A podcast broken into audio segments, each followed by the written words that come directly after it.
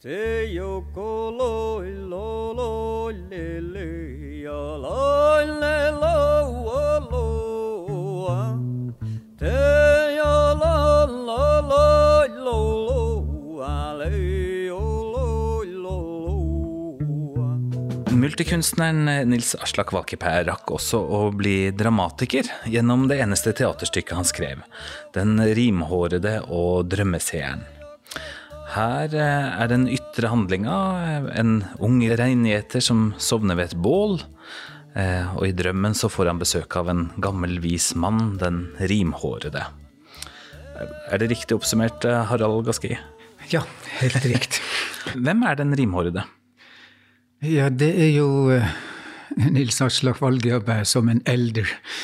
Eh, Jeg har i alle fall eh, Første gang allerede når jeg leste det stykket, det var jo Jeg kom seint en kveld på besøk til han i, i Batika eh, og var på tur til Tromsø, men jeg tenkte jeg overnatter der. Og, og det gjorde jeg jo, og da sier jo han til meg at, at han har forresten et teaterstykke som jeg også bør lese. En teaterteksten. og det, og, og, det husker jeg jo jeg leste, og, det var jo en helt ny side ved han som, eh, som jeg egentlig ikke kjente til. eh, Og, og altså, ja, det var jo en ny side.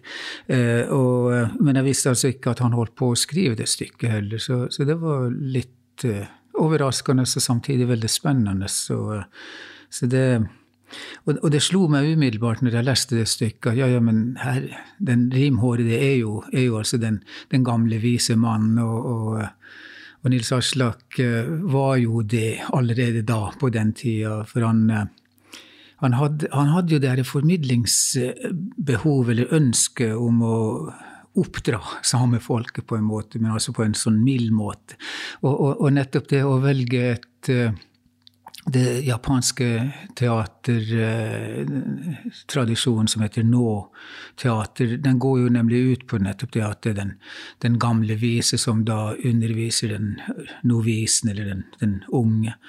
Og, og, og, og her blir det jo en sånn uh, formidling av kulturelle verdier.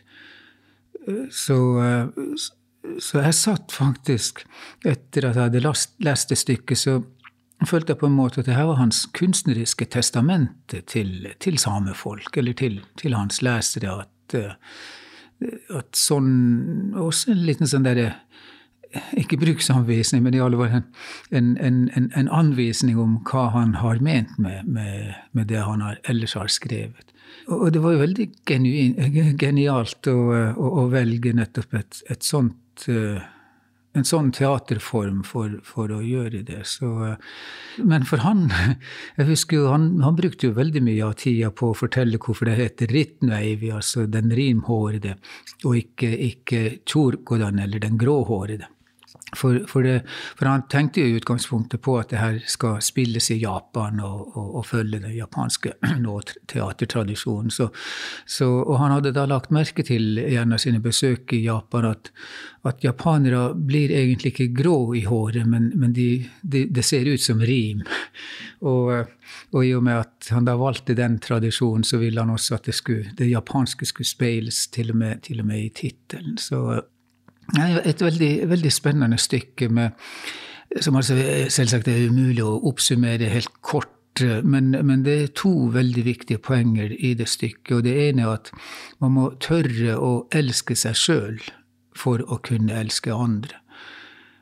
Og, og, det er jo mulig å tenke både på det personlige planet og, og altså som, som, som, metafor for noe større, sånn at altså et folk er nødt til å, å, å elske seg sjøl, bry seg om sin, sin, egen kultur, for da å kunne ta imot andre kulturer også. Men, men, og det andre er jo nemlig det der at, eh, at mennesket må aldri glemme at vi er en del av naturen. Og han repeterer det også, at det er det vi er, og, og, og bare det. Eller altså først og fremst det. Så, eh, så liksom det er det det ender opp i som, som eh, læren som den den vise da jeg gir til den unge. Men, eh, men, altså, men det er jo Og det skjer gjennom joik, det skjer gjennom, gjennom det at den, den, gamle gjør den unge oppmerksom på ja, du må se ting på den måten. Og, og, altså, ikke sånn der, igjen, ikke belærende, men, men, men mer enn den her samiske pedagogikken. At, med at, eh, at man, å fortelle gjennom fortellinger. Og undervise gjennom fortellinger. Mm. Altså det med at mennesket er en del av, av naturen som andre eh, vesener og, og skapninger, det, det, kjenner jeg jo igjen fra andre, altså mange andre ting som man har skapt. da. Men det her med det, kjærlighetsaspektet, er det noe som han har tatt opp andre steder før? Nei, ikke på den måten. Han har jo, han har jo uh, dikt, masse dikt som, som, er om kjærlighet, og, og, men, men, altså Men, men uh, i hvert fall slo det meg den gang også etterpå, når jeg har tenkt på det stykket, at, eh, at det er jo veldig dristig sånn sett eh, å gi det som en instruks til, til, en ung mann at du må elske deg sjøl. Men eh, heller ikke det ble vi egentlig å diskutere noe særlig. sånn, Og, og på en annen side så likte han jo heller ikke å, å diskutere og, og, tolke sine egne stykker, for det mente han det var, det var opp til seerne og leserne å gjøre. Men, men, men, eh, men, eh, men jeg husker jeg sa det til han at, at jeg finner i alle fall de her to verdiene som, som tekstens hovedbudskap. og og han sa ja vel til det. Men, altså, men han smilte nå i alle fall, og det virka jo som han var enig i at jeg hadde oppdaga noe i teksten. Så, eh, men, men derfor også eh, Jeg tenkte på det der med, med det som et testamente, at, eh, at han, han ville vil nok gjøre sine lesere oppmerksom på det at den individualisme som man ser i samfunnet, er altså noe helt annet enn det å, å, å tørre å være ærlig overfor deg sjøl. Sånn at uh, det, er ikke, det, er ikke, snakk om det å framheve deg sjøl, men det er snakk om å bli kjent med deg sjøl. Og, og, og, gjennom det så, så, blir du et sikrere individ som da tør å oppføre deg ordentlig i verden og sammen med andre. Og at, og at det der da igjen gjenspeiler det det større perspektivet med altså et urfolk i, i, i, en global verden må ha tiltro til sine egne verdier for å, for å kunne ja, være seg sjøl. For jeg tenker også på, altså, når, da, når, man ser på billedkunsten hans også, det her med altså at, at de, de lange rekkene rekkene av, av, folk som, som, holder sammen eh, i den tidlige, eller i 90-tallskunsten, og også til de, de eh, figurene som eh, framstår på egen hånd i igjen igjen et sånn bok. Og at, eh, at det er også en sånn bevegelse fra det kollektive til det å, å tørre å være deg sjøl og, og, stole på deg sjøl, sånn at du, at du, er et individ sammen med andre. Mm.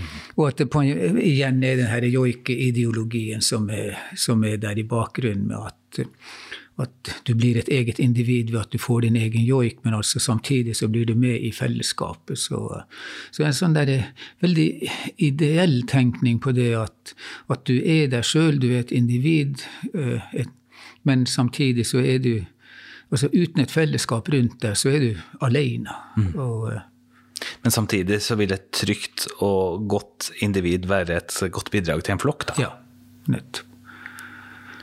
Hvorfor henta han inspirasjon fra, fra Japan, og, og, hvorfor ble det satt opp der?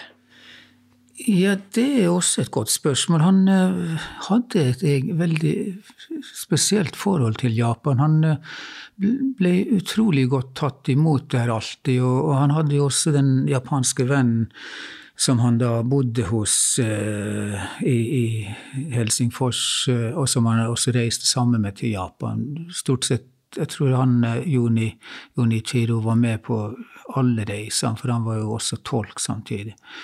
Eh, så eh, hvordan det vennskapet kom i gang i stand, det er jeg heller ikke helt som sikker på. Men, men, altså, men i alle fall så, så, så oppdaga de begge det at for det har jo Joni også snakka om, at han ble så overraska når, når, de var i Japan første gang, at, at Nils Asla kunne snakke samisk til japanere, og de forsto han. Så, så, så det, Og det husker jeg jo faktisk også når jeg var sammen med han der, at han i alle fall kunne bestille øl på, på, på samisk og få det han hadde lyst på.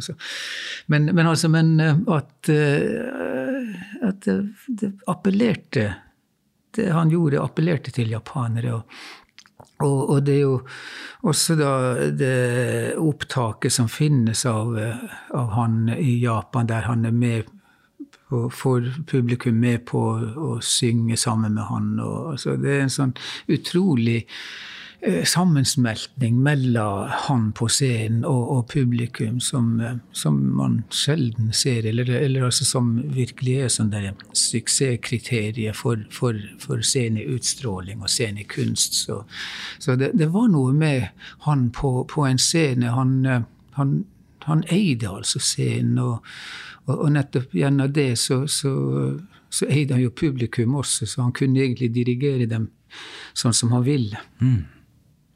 Hadde stykket urpremiere i Japan?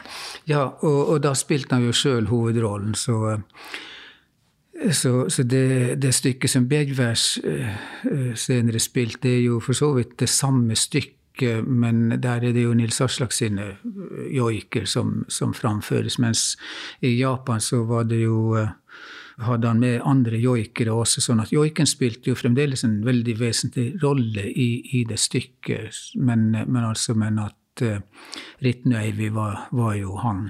Og han uh, hadde jo til og med ordna håret sitt sånn at, at, han så også ut som han hadde rim i håret. Oh ja, akkurat. Og, og, det morsomme var jo han var jo på tur til Japan da når, når han hadde den kunstutstillinga, åpninga av den kunstutstillinga i, i Karasjok. Eh, i 95.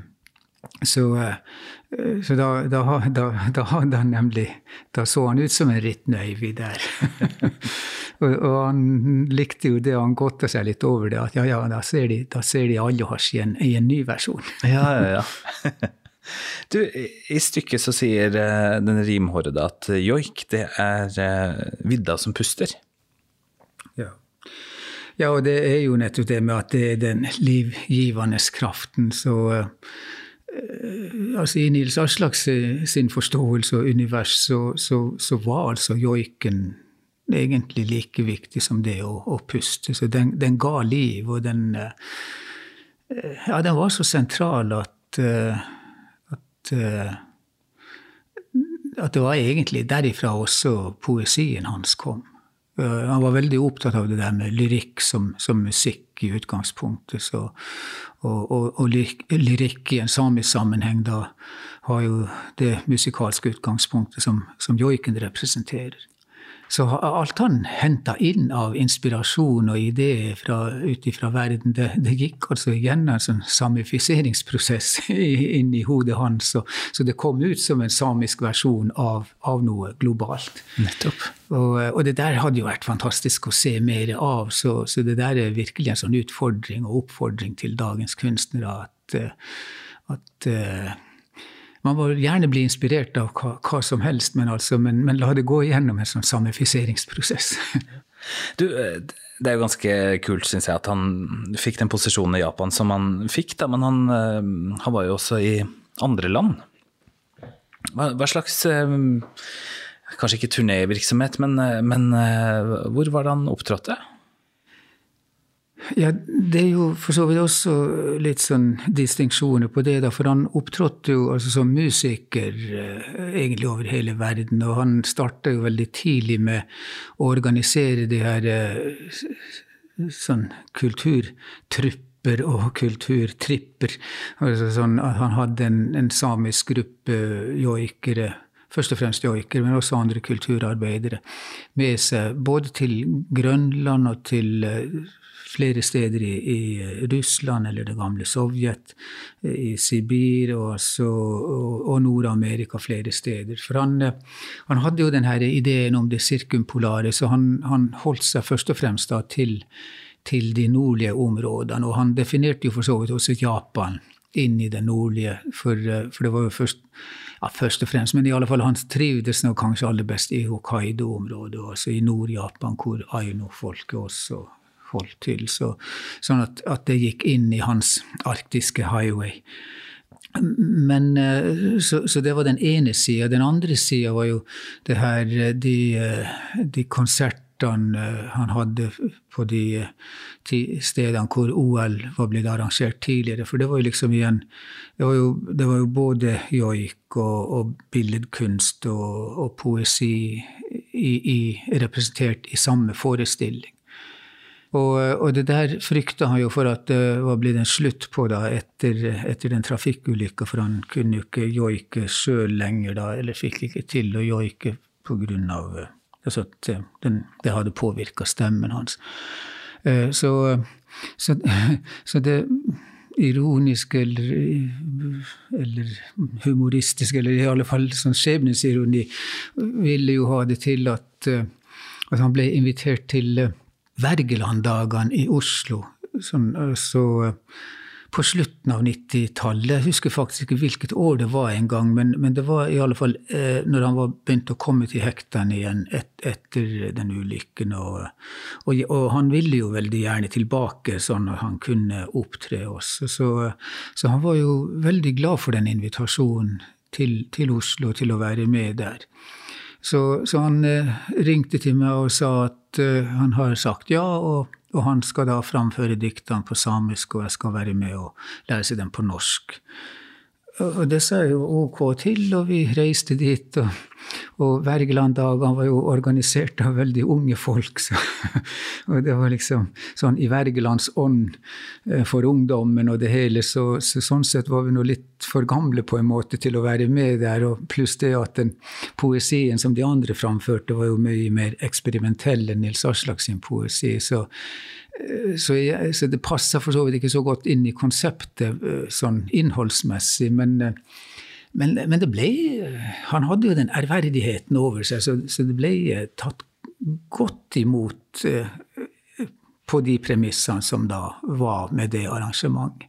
Men, men det morsomme med, med, det der var jo at vi var litt sånn ikke helt fornøyd, noen av oss. Vi satt da ute og, i Oslo og drakk en øl, eller var det kaffe, du husker ikke et, etter det der. Men i alle fall så, mens vi sitter der, så, så går Ole Henrik Magga forbi, og da var han jo fremdeles sametingspresident, og, og Nils Aslak roper til han og kom nå her og sett deg ned med oss. og og, og så mens Ole Henrik da satt der, så, så finner jo Nils Aslak ut ja, ja, men du er jo god å joike. Så, så, da joiker du. og Ole Henrik spør ja, hvor? Men så sier, Ole, sier Nils Arsel ja, for i, i, kveld så er vi invitert på Konserthuset, og der skal bl.a. Arne Norheim være til stede. Og, og, vi må gjøre noe bedre enn, en det vi klarte å få til på, på, på Wergeland-dagene. Altså. så så her er ideen. Og så hadde han altså sittet der da, og, og, gjort ferdig hele forestillinga, så, så, Ole Henrik skulle joike, og, og han sjøl da leser diktene på samisk og er i norsk oversettelse, og, så, og at det blir det konseptet. Vi fikk jo ikke tid til å øve heller på det, så det var liksom bare Ok, sier Ole Henrik, ja, jeg er med på det, så, vi, så vi, det gjør vi. Og vi gjorde det, og, det ble altså det faktisk, det fungerte veldig godt. Fabelaktig godt. Så jeg husker Arne Norheim var så, så glad for det. Eh, og kommenterte det etterpå at det her var jo, det her var jo storveis.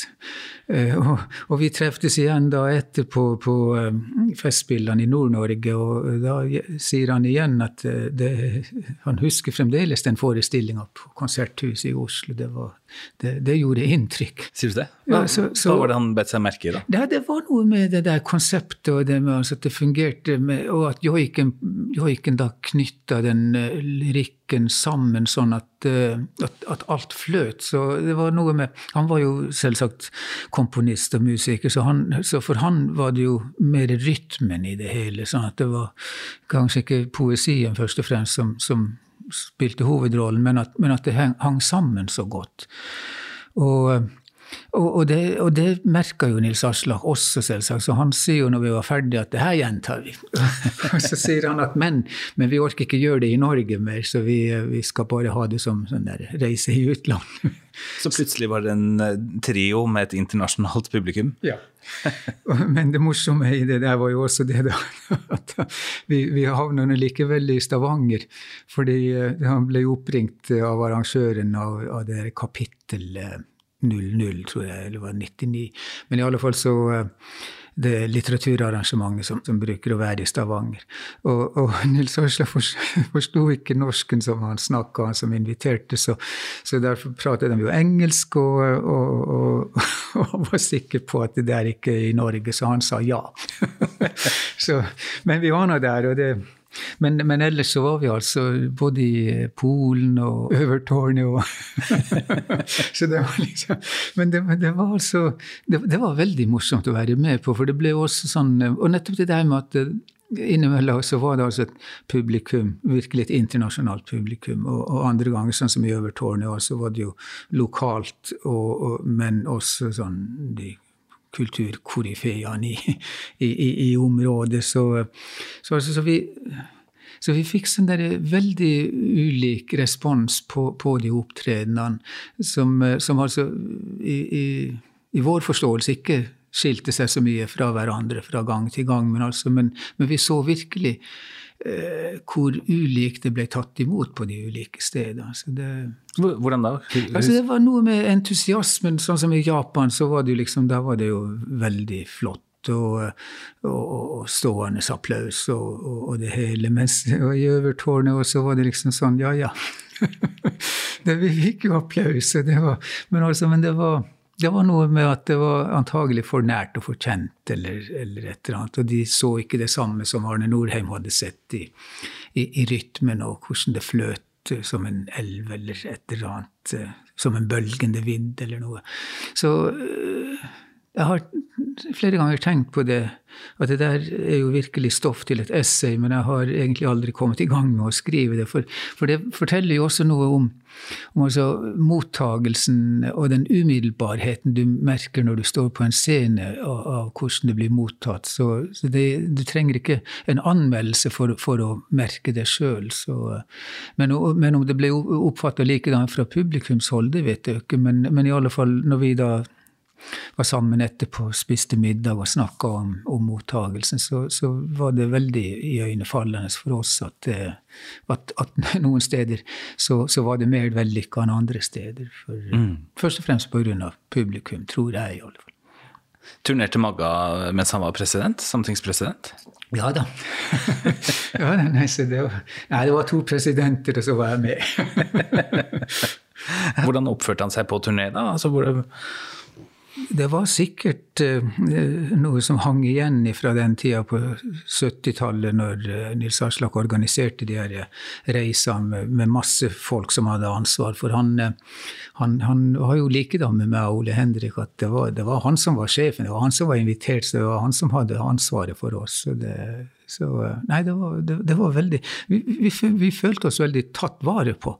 Selv om vi begge var veldig vant med å reise. Men, men, altså, men det, var, det, var, noe deilig også med det der å slappe av og, og, og, være med bare sånn med en stor kunstner og liksom bidra til å, å formidle hans kunst til, til eh, folk. Sånn, altså gjennom oversettelse og, og, gjennom det bidraget som joiken da gjorde i den sammenhengen. Mm.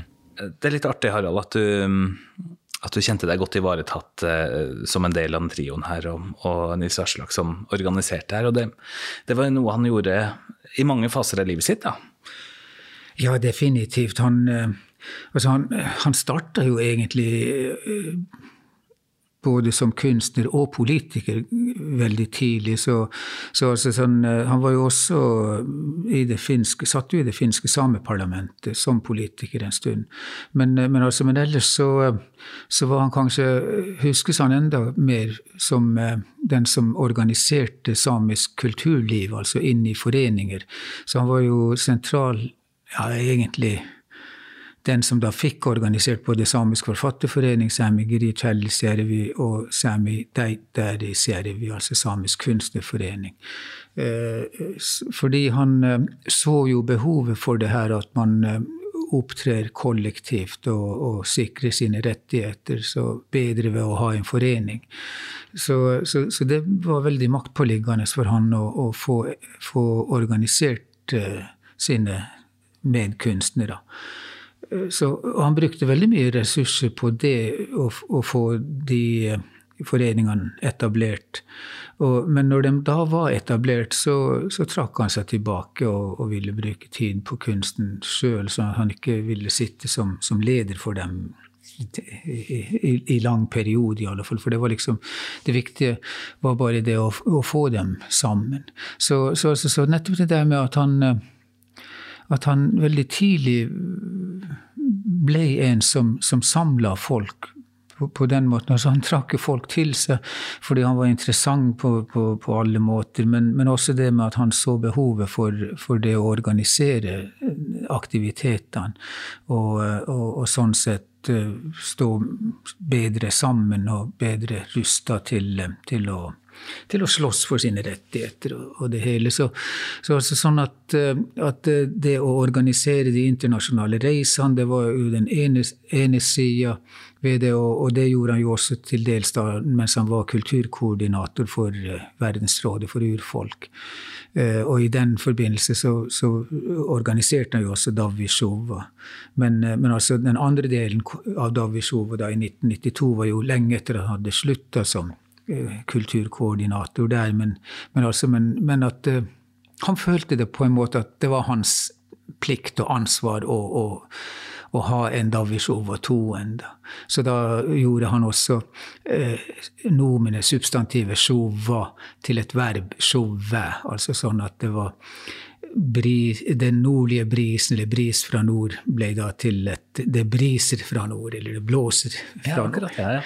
Så, så, altså, så, sånn at det også var en, en, en bitte liten distinksjon der på det, en liten forskjell. Men, men i alle fall at, at, at, nettopp det med at han da så det som, som sitt ansvar å, å, å, bringe folk sammen og, og, og gi dem en mulighet til å, til å få sin scene.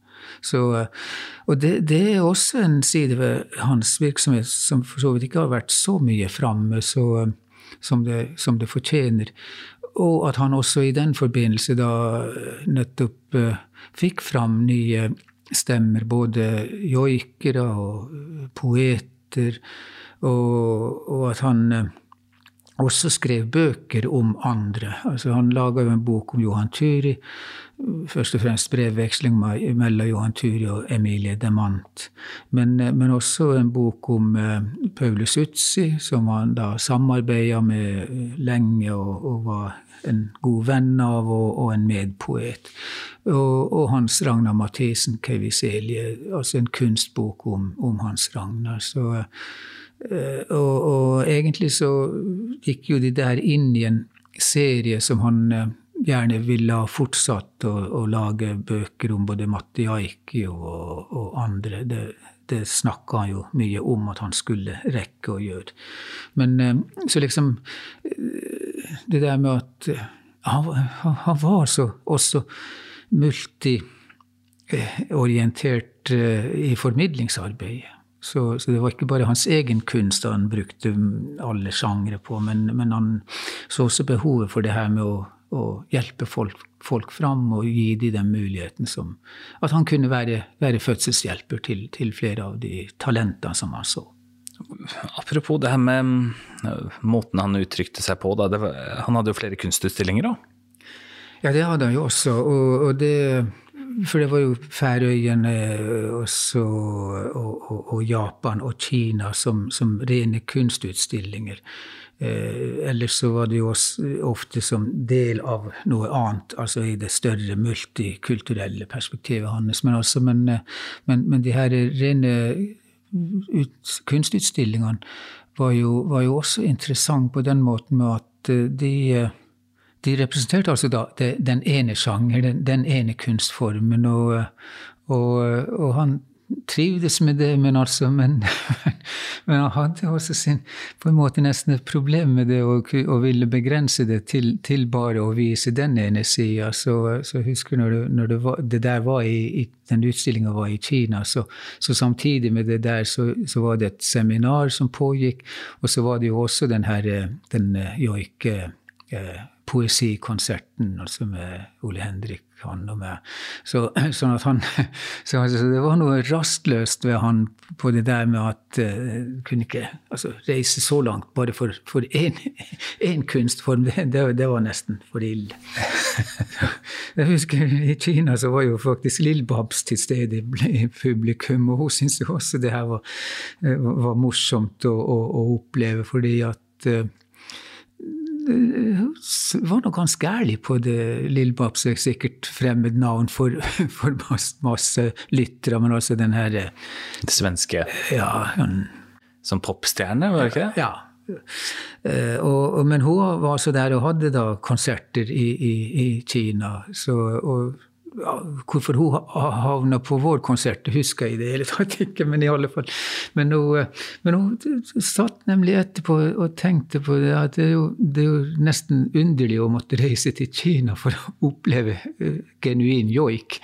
Men, men at det er, det er kanskje det samiske i, et nøtteskall. At, at de nordiske landene egentlig aldri har brydd seg om samisk kultur, sånn sett at, man, at det har vært at, at, sånne kunstneriske uttrykk har vært invitert til hovedstadene. Og, og det. Så, det, så, akkurat det holder jo på å endre seg heldigvis nå, og har endra seg, sånn at, at, det samiske er jo mye mye mer akseptert og mye mye mer med nå. Og, og det jo, vil jeg også tilskrive Nils Aslak, eh, at han var med å dra det hele i gang. sånn at det var, det var like naturlig å være i, i Beijing som, som Stockholm, sånn sett.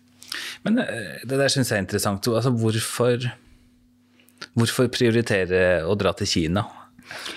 Ja, det kan du si. Det var jo eh, Det diskuterte vi egentlig aldri sånn, sånn sett hva hensikten med, med, en sånn tur var, annet enn at akkurat det arrangementet var for de nordlige folkene i Kina og het det seg. Men, altså, men det var jo for så vidt ikke bare nordlige minoriteter.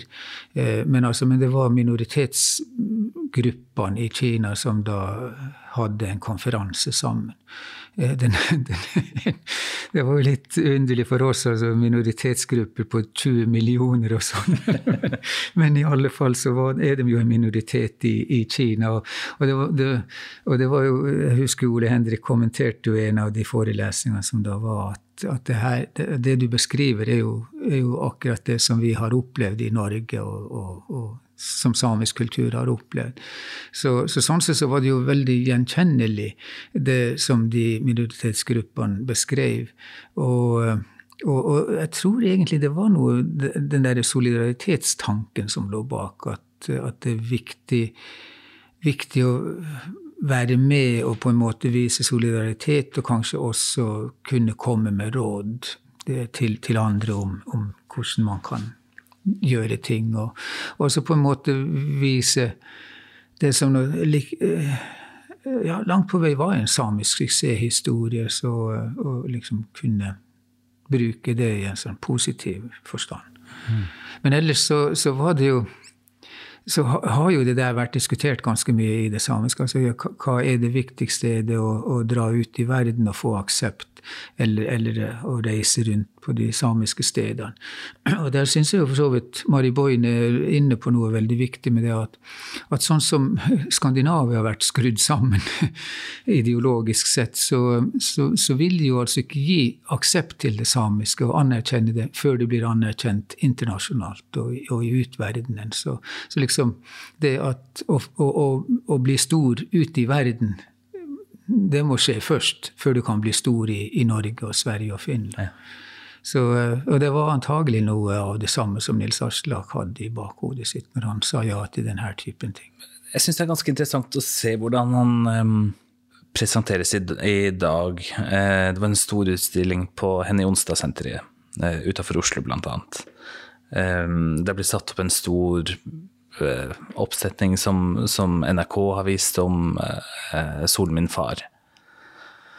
Han har blitt løfta på mange vis, da, i etterkant. Ja, det har han jo, og, og han har jo fått mer og mer anerkjennelse. Så, eh, som det jo ofte skjer med store kunstnere, at det, det først etterpå man oppdager hvor store de var. Men, men, altså, men, men, det her er nok også Det er ikke bare det at, at, det har tatt tid å få den anerkjennelsen. Jeg tror det også henger sammen med at, at verden egentlig har endra seg eh, i den retning at man eh, ser mer til urfolkskulturer og, og, søker faktisk både hjelp og, og, visdom i de kulturene. Og, og, da er det jo veldig naturlig å gå til Nils Aslak, annet. Sånn at, eh, så altså, og, det her med at alt henger sammen, og, liksom eh, også innenfor det kunstneriske feltet at, at uh, istedenfor å ha den voldsomme spesialiseringa og, og, rigide inndelinga i ulike disipliner, så, så, går det altså så, så, har både billedkunst og musikk og joik og sang og, og lyrikk uh, noe med hverandre å gjøre, og altså at det, det har noe med, med, med det å få fram den menneskelige dimensjonen av tilværelsen. Så, så, altså, så, så, der hvor vitenskapen har prøvd å, å splitte det opp, så, er det nå et poeng innenfor urfolkskunsten å, overse, neglisjere, ikke bry seg om de, de, grensene og de definisjonene, sånn at man får at det er en større frihet til, til å være kunstner. Og, og, igjen samtidig, når det gjelder Nils Aslak, så, så har man også den, den filosofiske dimensjonen som, som man da finner i hans tekster. Eh, at eh, som den fokuseringa og, og, og, egentlig uh, insisteringa på, på, det her med at vi er nødt til å, å lytte til naturen uh, mer enn vi har gjort. Så, sånn at hans stemme får en ny kraft nettopp i det at verden trenger den typen stemmer nå. Så, så det, er ikke, det, er ikke, bare det at, at uh, nordmenn har blitt snillere eller, eller, mer demokratisk anlagt sånn, sånn sett, men, men, det er nesten en dyd av nødvendighet å, å, tre, å løfte fram nye stemmer og alternative stemmer som kan, som kan formidle et alternativt og et nytt budskap som kanskje kan få moder jord til å fortsatt eksistere. Takk for at du var med i denne episoden, Harald Gaski. Musikkutdragene i serien er gjengitt med tillatelse av forlaget DAT. Serien er laget for stiftelsen Lasagami, som skal ta hånd om og fremme den kulturelle og åndelige arven etter Nils Aslak Valkeapää Ailuasj. Produksjonen er støttet av Norsk kulturråd, jeg heter Svein Lian. Programmet er produsert av 1 til 1 Media.